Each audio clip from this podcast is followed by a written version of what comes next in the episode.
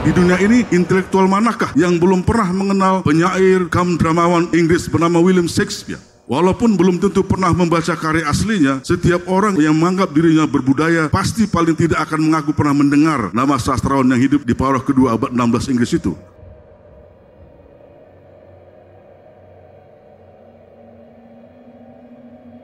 Justru di sinilah persoalannya. Karya-karya Shakespeare tidak dibaca luas, tapi keuniversalan namanya fenomenal. Mungkin Shakespeare adalah contoh dari sastra yang punya substansi dan sublim itu.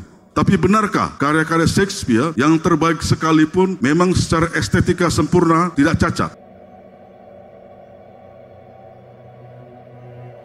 Ternyata munculnya apa yang disebut sebagai teori sastra postkolonial sebagai akibat terbitnya buku Orientalism karya pengarang kelahiran Palestina Edward Said telah menyebabkan terjadinya pembacaan ulang atas para sastrawan kanon barat termasuk Shakespeare. Dan hasilnya Shakespeare adalah seorang sastrawan rasis dalam karya-karyanya yang tokoh-tokohnya yang berkulit berwarna seperti dalam The Merchant of Venice, Othello, and The Tempest.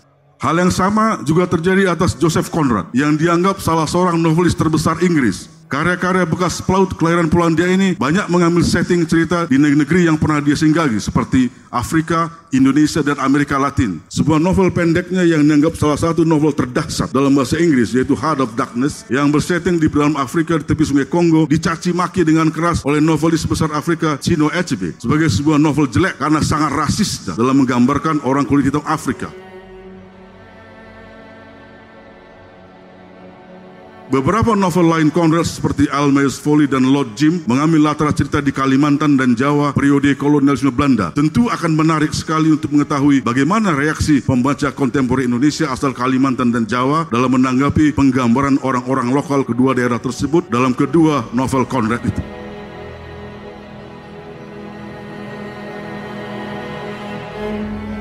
Di Indonesia sendiri kita juga memiliki banyak contoh dari terjadinya apa yang saya sebut sebagai politik kanon sastra ini. Seperti nama William Shakespeare di dunia internasional. Di Indonesia, siapakah intelektual kita yang tidak pernah mendengar nama Pramodia Tatu? Bagi mereka yang serius membaca karya sastra Indonesia akan mengerti bahwa dari keseluruhan fiksi yang pernah ditulis dan dipublikasi oleh Pram atau oleh para novelis Indonesia lainnya, maka seri novel yang dihasilkannya selama menjalani hukuman tanpa pengadilan rezim Orde Baru di Pulau Buruh yang terkenal dengan nama Tetralogi Buruh itu merupakan karya terbaik Pram dan salah satu karya terbaik fiksi dalam sejarah sastra Indonesia. Justru karena tetralogi buruh inilah nama Pram berkali-kali masuk dalam nominasi menang hadiah Nobel Sastra. Tapi apa yang terjadi dengan seri novel ini di Indonesia sendiri? Kita semua tahu karena sudah menjadi pengetahuan umum bahwa tetralogi buruh dilarang di Indonesia.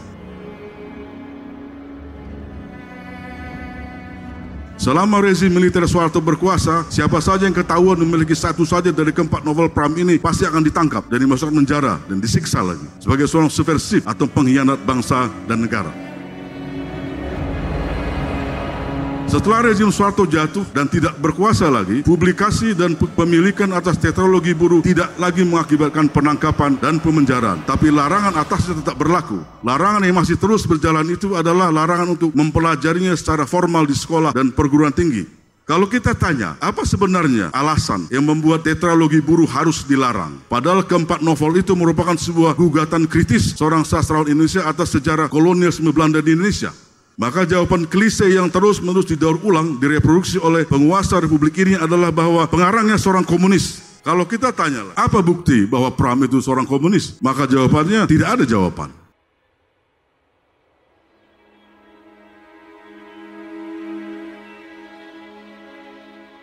Kita misalnya masih belum bertanya soal apa sebenarnya kesalahan komunis dalam sejarah Indonesia. Atau apa sebenarnya komunis itu sehingga segala sesuatu yang berhubungan dengannya dilarang di negeri komunal dan gotong royong ini.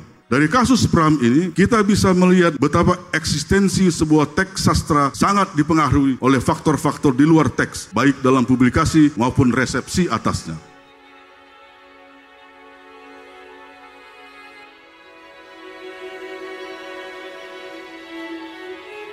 Contoh lain adalah reputasi majalah sastra Horizon selama masih dengan sangat aktif dieditori oleh Habib Yasin, tokoh legendaris yang dianggap sebagai paus sastra Indonesia itu. Bagi para sastrawan Indonesia yang masih waras otaknya pada periode yang saya maksudkan, terutama pada tahun 1970-an, apalagi yang baru menulis sastra, dimuatnya karya di Horizon bisa dikatakan setara dengan memenangkan hadiah Nobel Sastra. sebuah pencapaian artistik estetik yang paling tinggi, sebuah pengakuan pembaptisan legitimasi gelar kesastraunan. Makanya pemberian gelar mentereng Paus Sastra Indonesia tadi kepada Yasin. Selera HB Yasin menentukan bermutu tidaknya karya sastra Indonesia pada zamannya. Bisa dikatakan HB Yasin bukan cuma Paus Sastra Indonesia, tapi justru sastra Indonesia itu sendiri. Tak ada sastra atau sastrawan Indonesia di luar HB Yasin. Hanya mereka yang menulis novel pop, cerpen pop, dan lirik lagu pop saja yang tidak peduli pada keangkeran nama Horizon dan Habib Yasinnya. Karena eksperimentasi bentuk merupakan estetika kaum humanis universal, kaum manikebuis yang direpresentasikan oleh sosok Yasin ini, maka karya-karya apolitis yang eksperimental secara formal atau bentuk, walau isinya biasa-biasa saja, malah cenderung konservatif, yang menjadi kanon sastra Indonesia, seperti fiksi Danarto, Putu Wijaya, dan Budi Dharma, atau puisi Sutarji Kaljum Bahri.